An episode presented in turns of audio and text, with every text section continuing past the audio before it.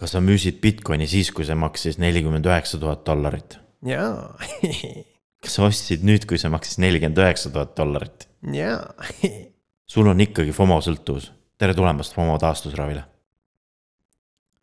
eelmine nädal jäi meil äh, kahe silma vahele päris mitu uudist. ehk siis peaksime seekord äh, need ära kajastama.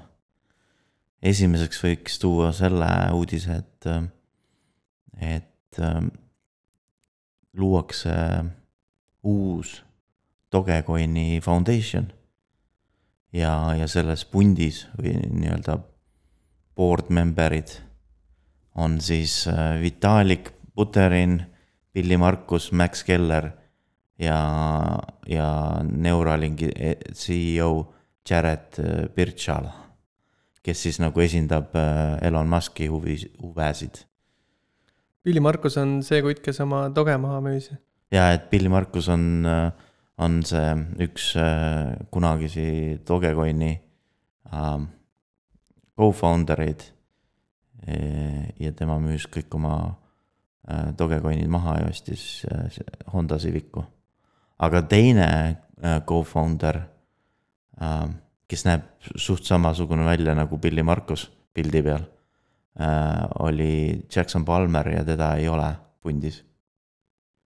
aga tänu sellele, et äh, noh, nüüd on nagu eh, seal äh, Vitalik ka pundis, et võib-olla isegi saab Dogecoinist asja mm. -hmm. tahavad taaselustada nii seda arendust kui, kui ka üle vaadata kogu selle kontsept, kontsepti nagu. ise nimetavad rohujuure tasandilt, et alustavad. nojah, sest seal ei ole mingit arendust kolm aastat toimunud lisaks jäi meil rääkimata sellest, et äh, Ethereumi arendajad äh, üle nädala tagasi äh, hoiatasid siis, et tuleb selline nii-öelda nagu hot fix. ehk siis kahekümne neljandal pidi tulema. ja siis nagu öeldi kõikidele full node'i nagu operaatorite nagu hoiatati ette, et, et siis nagu õigeaegselt nad uuendaksid oma tarkvara aga kolm päeva pärast äh, kahekümne neljandat äh, pooled äh, ei olnud ikka oma, oma tarkvara uuendanud. ja see siis tekitas nii-öelda chain split'i. räägime natuke rahvakeeli, mida see chain split tähendab? see tähendab seda, et põhimõtteliselt osad full node'id siis nagu jälgivad nagu ühtesid reegleid ja teised teisi. ja siis noh, minerid võivad siis teha ka nagu ploki, mis nagu jälgib neid ühtesid reegleid ja, ja teised minerid teevad siis äh, neid plokke, mis jälgivad teisi reegleid. ja siis tähendabki seda, et äh, noh, tekibki põhimõtteliselt nagu fork, et äh, lähevad, läheb see nagu ahel läheb lahku. aga kui nüüd uuendustega järgi tullakse um,? ma ei tea, kas need, kes nagu siis uuend-, kas nad pidid ise nagu rollback ima ennast või, või kuidas nad selle jama parandasid? tead sa, kas keegi äh, kannatas rahalist kahju ka? natukene nagu noh, nagu hirmutati, et osad, et võidakse nagu double spend ida. aga ma ei märganud ühtegi uudist, äh, mis oleks nagu maininud, et keegi sai äh, kahju sellest. et noh, tegelikult see ei ole esimene kord, kui Ethereumil sellised apsakad juhtuvad et üks, äh, kaks tuhat kakskümmend detsember või november oli neil lausa niiviisi, et nad unustasid nagu ähm, sellele Infurale nagu teatada, et oli, oli hard fork. ja siis äh, ka pooled äh, get äh, node'id nagu läksid lahku. et antud juhul oli ka see, see bugi oli ainult selles get äh, rakenduses, et e-, Ethereumil on neid äh, full node rakendusi mitmeid. ja, ja Geth on selles mõttes äh, kõige populaarsem neist, et lausa seitsekümmend kolm protsenti vist kasutavad Gethi. tavaliselt peaksid sellised change split'id juhtuma siis, kui on nagu sellised olulised otsused vaja teha, et et kes nagu jätkab äh, vana versiooni jooksutamist ja kes, äh, kes nagu võta, nagu aktsepteerib need uued äh, muudatused. aga antud juhul tundub pigem, et Ethereumil on probleeme batch'ide nagu laiale levitamisel kõikidele kasutajatele. et siis, kui oli see, see EIB üks viis viis üheksa, et siis kõik nagu samaaegselt äh, uuendasid uuele versioonile. aga nüüd, kui tuleb äh,, avat-, avastatakse mingi bugi ja parandatakse ära, siis, siis nagu kasutajad ei ole nii kiired äh, sellele uuendama.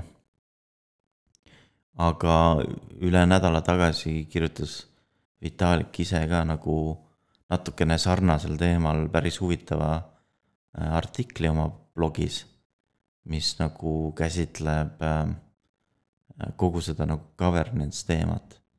et antud juhul näiteks, kui just see, kus sa nagu valid, kas, kas ma lähen uue versiooni peale või jään vana versiooni peale, et seda kutsutakse nagu off-chain governance'i, governance'iks.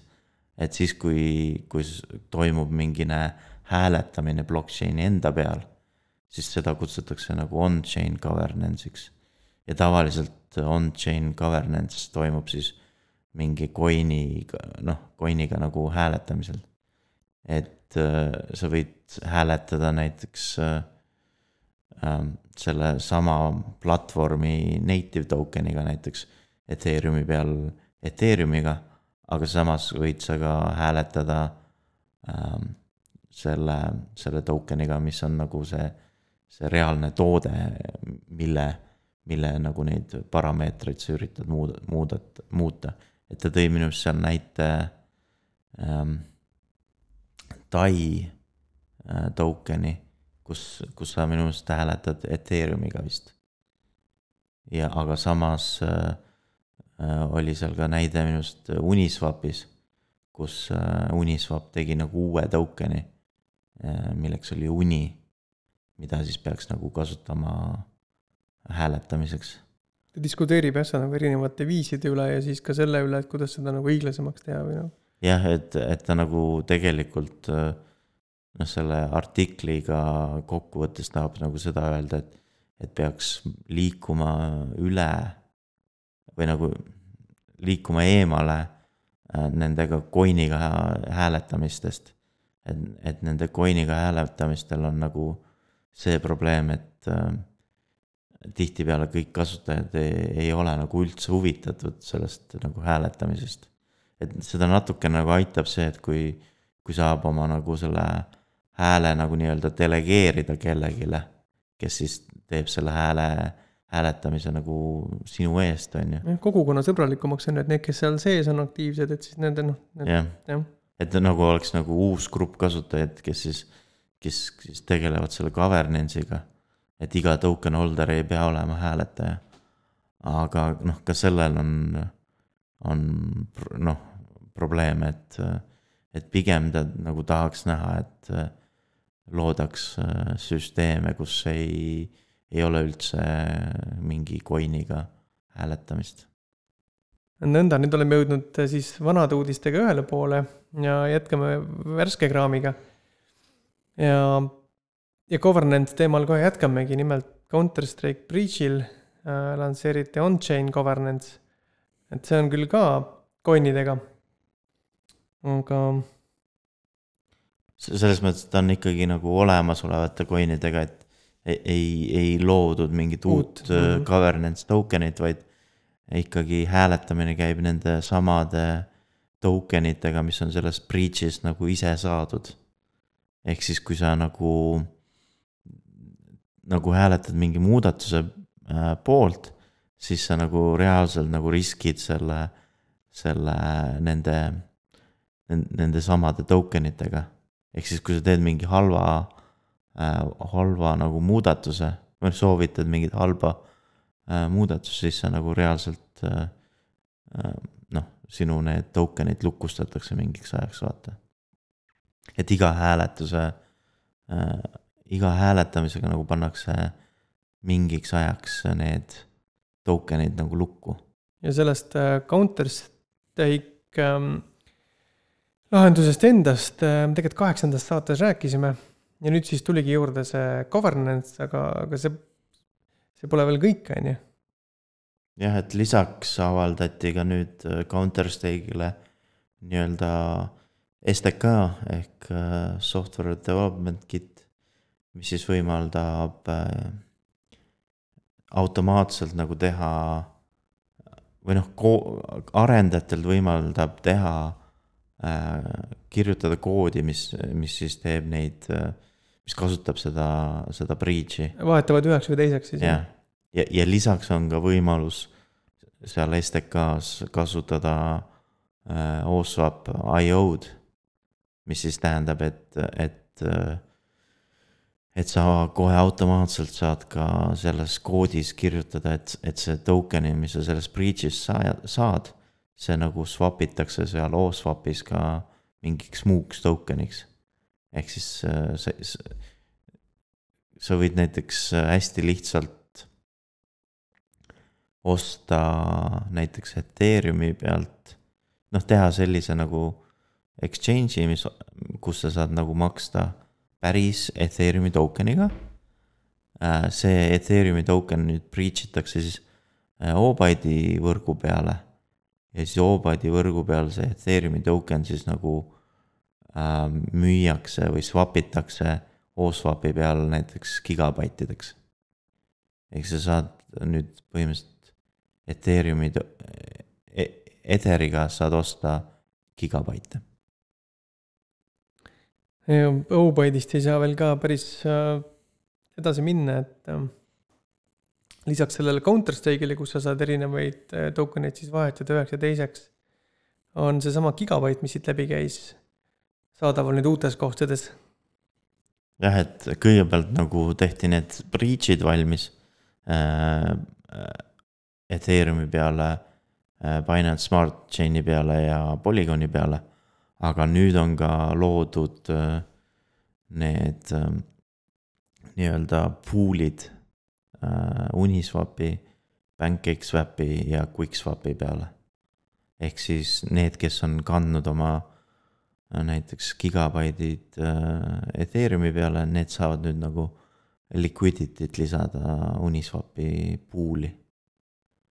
et Uniswap praegu nagu ei ole väga populaarne olnud, sest seal on viimastel nädalatel tohutud äh, suured äh, ülekandetasud olnud.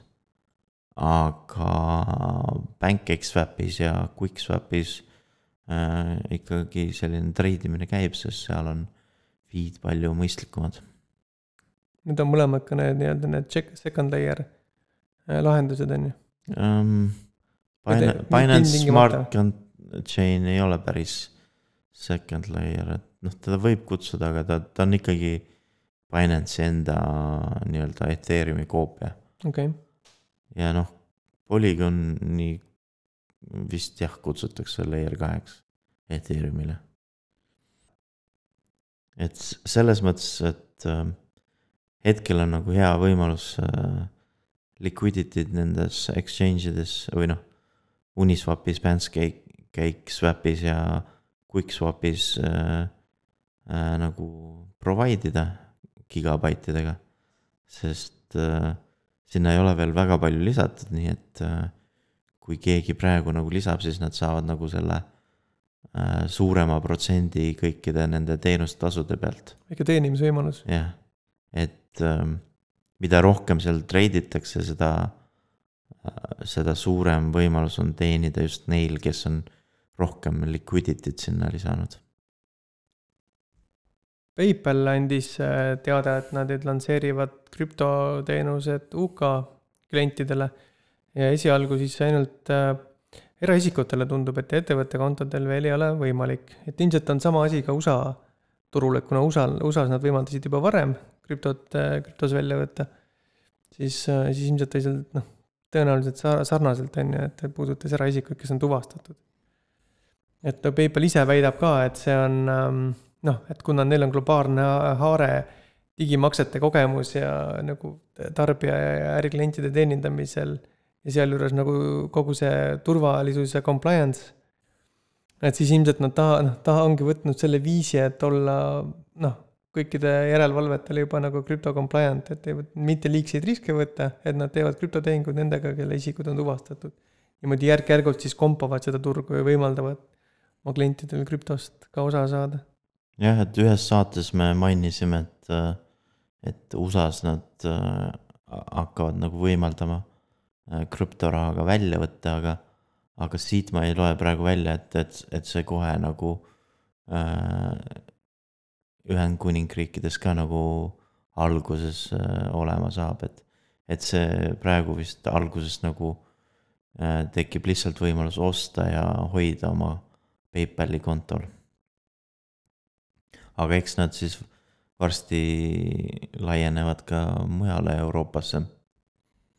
natuke aega tagasi rääkisime me äh, Circle'ist, et neil oli kuuskümmend üks protsenti Äh, USDC-st tagatud sularahaga või sularahalaadsete toodetega. aga nüüd tuli uudis, et äh, Circle tahab siis teha äh, panka. et siis oleks kogu USDC äh, kõik rahaga tagatud. ja selleks nad siis äh, tahavad minna börsile läbi SPAC-i et äh, võib-olla sa oskad äh, täpsemalt öelda, mis SPAC on? Äh, SPAC on siis nagu niisugune riiuliettevõte või noh, inglise keeles pikalt öelda special purpose acquisition company.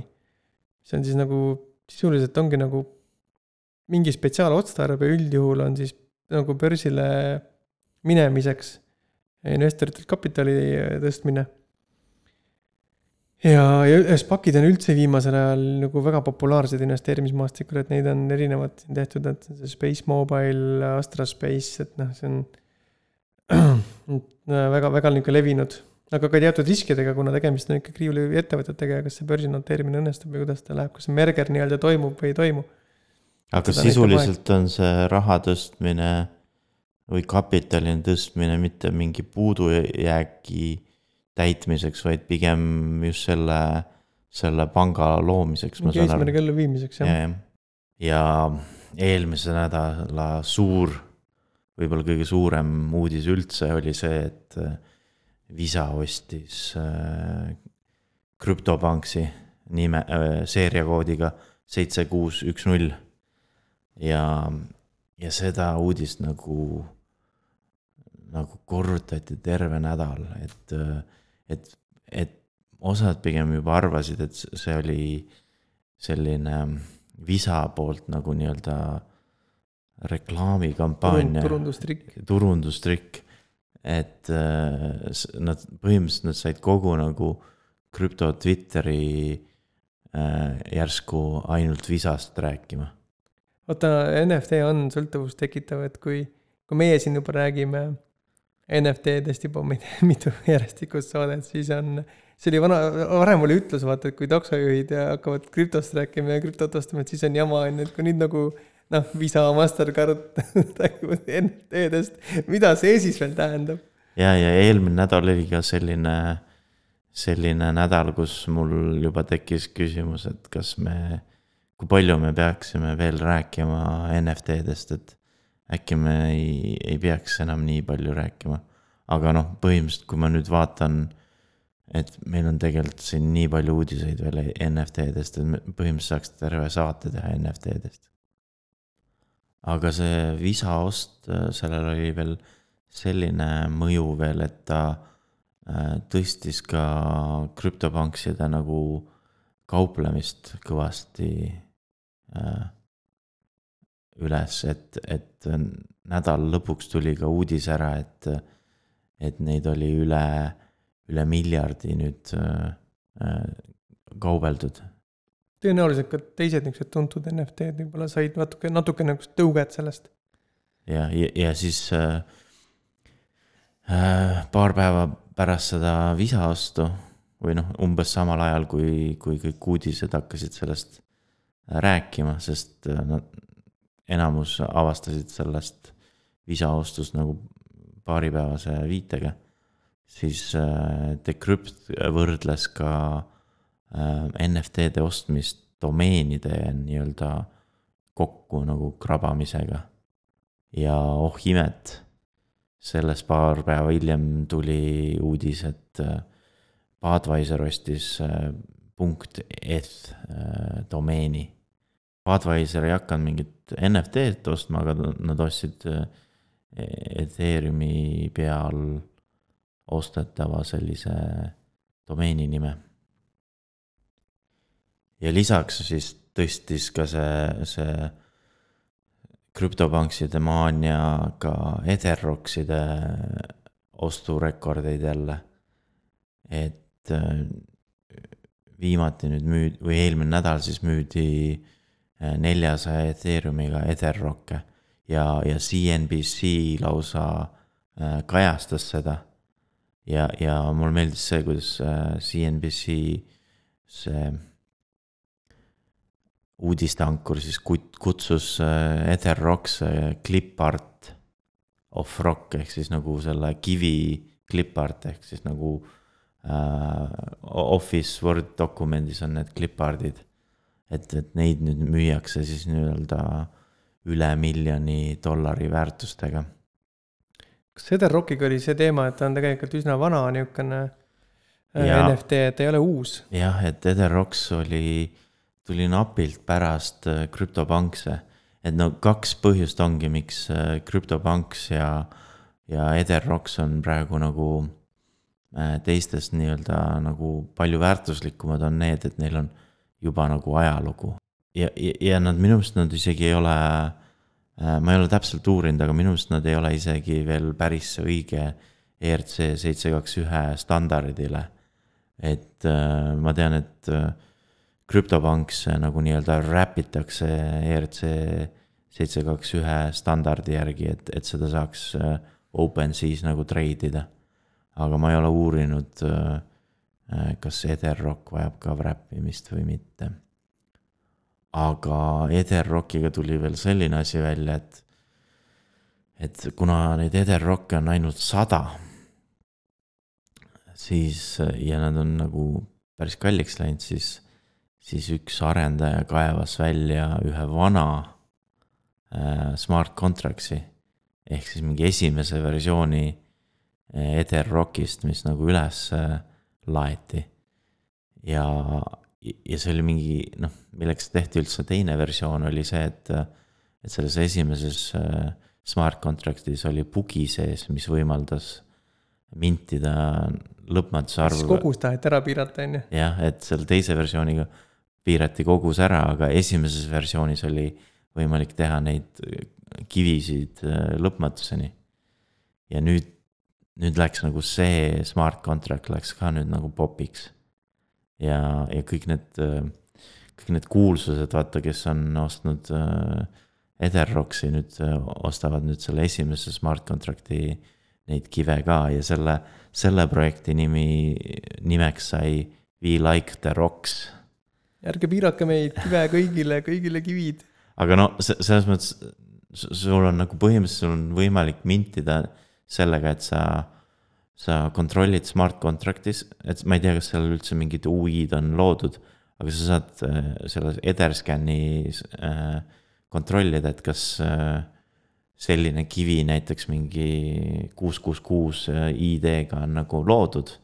ja kui ei ole loodud, siis sa ise lood selle aga see We like the rocks lehekülg, noh siis nagu ei näita rohkem kui sada kivi. et aga sa saad tegelikult luua rohkem, rohkem kui sada kivi. ja viimaseks teemaks selline suur, suur teema nagu retromängude äh, aks-, oksjonitel müümine ja, ja nende hindamine. ja kuidas see nagu krüptorahaga kokku puutub, on see, et, et äh, sarnaselt NFT-dega praegu toimub samasugune äh, spekulatiivne mull ka retromängudega. et äh, ähm, eelmine kuu toimus selline asi, et Super Mario müüdi Äh, noh, põhimõtteliselt karbi sees olev Super Mario äh, mis oli paar aastat tagasi oli. või võib-olla aasta tagasi oli, oli, oli hinnatud äh, ja müüdi oksjonil mingi saja tuhandega. siis nüüd müüdi üle miljoni, vist üks koma kolm miljonit. ja on selline nii-öelda nagu ettevõte nagu Vata, kes siis nagu pakub sellist teenust nagu grading. Ehk siis sellega antakse nagu sellele, selle pakendatud mängule nagu antakse äh, hinnang, et kui hästi ta on säilinud. ja, ja see teema, mis pani mind üldse nagu mõtlema, et kas, kui palju me peaksime NFT-dest edaspidi rääkima, oli see, et, et äh, et seal toimub selline samasugune asi, mis NFT-dega toimub, et, et need oksjonilehed nagu OpenSea on tegelikult sarnased äh, äh, nagu nendele retromängude oksjonilehtedega. et äh, retromängusid hästi palju müüakse, just need vata kreeditud äh, retromänge müüakse sellisel oksjonilehel nagu äh, Heritage Auctions. ja, ja ja põhimõtteliselt nendel oksjonilehtedel ongi nagu üks nagu selline eesmärk on, on neid äh, hindasid niiviisi üles ajada. ja, ja tihtipeale seda tehakse nagu üle pika perioodi.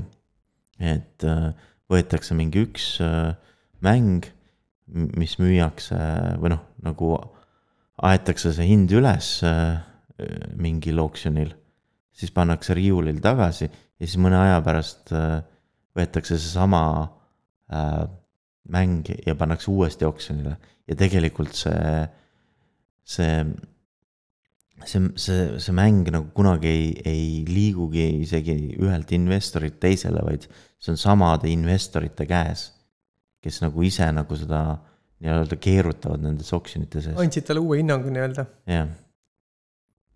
ja seda tegemist, tegevust kutsutakse äh, shill bead imiseks ehk siis see, see, see on seal, äh, me paneme kirjeldusse lingi ka ühest Youtube'i videost, kus, äh, kus üks Youtuber oli siis teinud nagu sellest äh, retromängude skämmist nagu nii-öelda selle expose.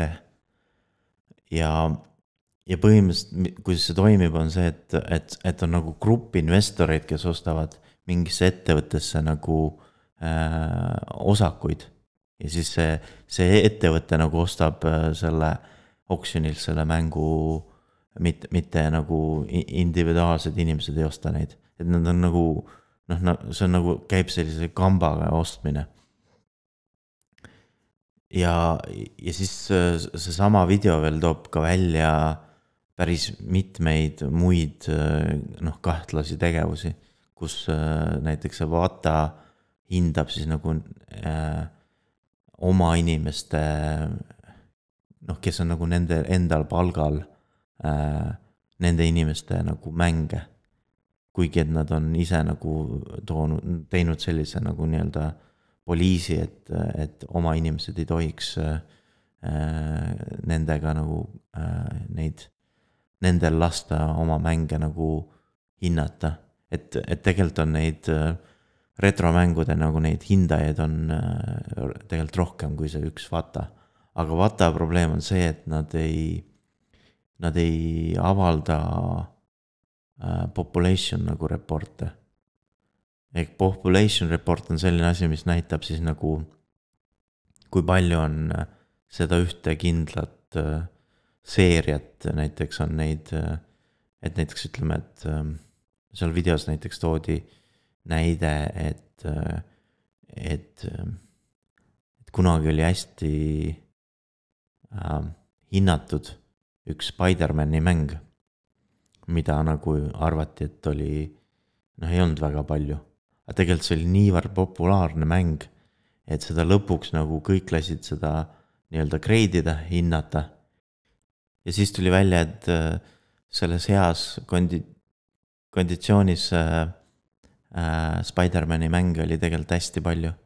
ja siis äh, kõik need, kes olid ennem ostnud seda Spider-man'i mängu tohutu raha eest äh, äh, ei saanud seda enam edasi sama hinnaga müüa, sest äh, need oli hästi odavalt müügil. et niisugust turuinfot on nagu raske kätte saada mingisuguse niisuguse collectible asja kohta, mis on vana, on ju, et kui palju seda tegelikult siis turul on, on ju. ja mis seisus ta on. noh, mõned need greidimisettevõtted äh, teevad neid population report'e.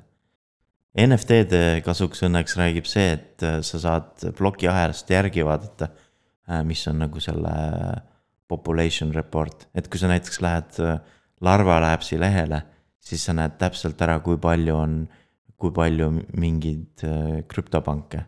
et kui paljud neist on alien'id, kui paljud neist on mehed, kui paljud neist on naised. Äh, kui paljudel on nagu üks atribuut küljes, kui paljudel on kaks, kui paljudel on äh, seitse vist oli maksimum üldse. et, et seda seitsme, seitsme atribuudiga krüptopanki on näiteks ainult üks, on ju.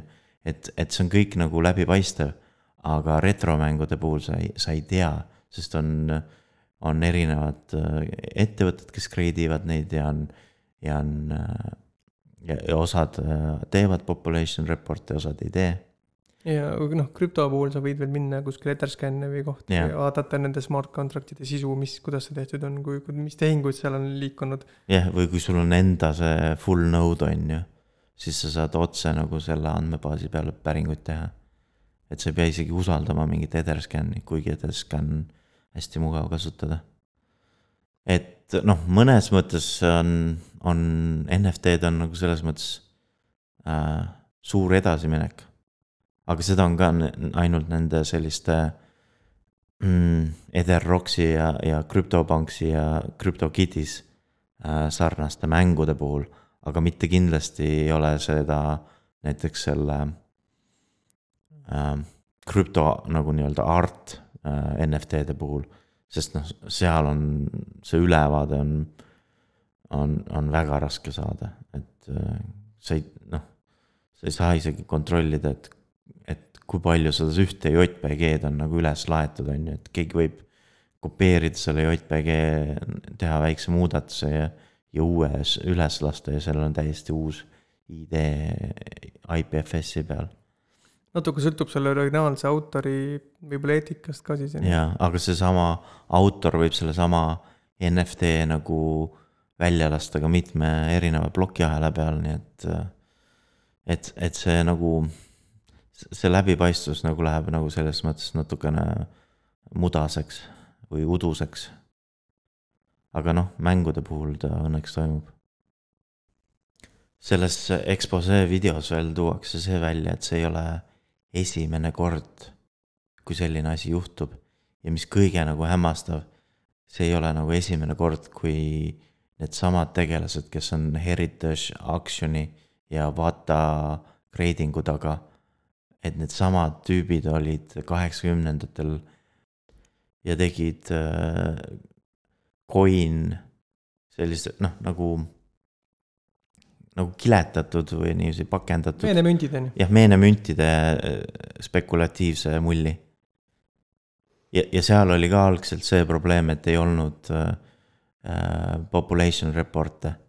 ja pärast, kui see mull nagu lõhkes, siis tehti, hakati seda, nende meenemüntide seda turgu nagu äh, reguleerima ja tehti, et nagu äh, population report'id on nagu kohustuslikud nii et kui teil on väga palju vaba raha ja soovite investeerida seda mingisse vanasse kunsti, veini, coin'i, NFT-sse või arvutimängu või mingi, ma ei tea, marki või mingisse muusse niisugusesse väärtuslikku kaupa, siis tuleb päris palju kodutööd ikkagi ennem selgeks teha, et. jah, et tuleb selgeks teha, et kui nagu äh, unikaalne või, või, või ainulaadne see, see, see asi üldse on et näiteks äh, tulles tagasi selle Super Mario mängu puhul, et ähm, see mäng tegelikult ei ole üldse unikaalne.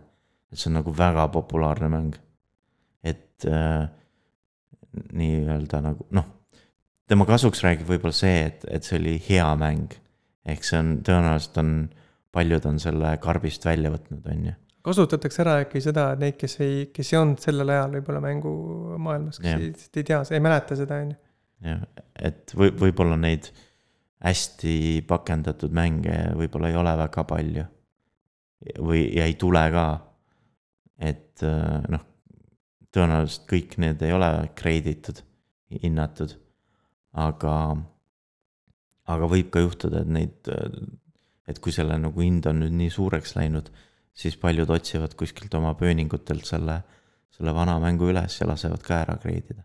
aga, aga see video veel rääkis sellest, et kuidas see, et samamoodi nagu, kuidas näiteks krüpto puhul saavad kõige enim kasu äh, need exchange'id ja auction'id oma teenustasudega. et samamoodi on, on nende retromängudega niiviisi, et, et äh, miks nagu üldse need äh, auction, auction'id nagu äh,, nagu pambivad neid hindasid pidevalt ja lasevad sellel juhtuda, on, on see, et nad teenivad selle pealt tohutult ra-, nagu teenustasu vahelt. et selle ühe retromängu ärahindamine võib maksta nagu protsendi sellest, sellest kogu selle mängu väärtusest.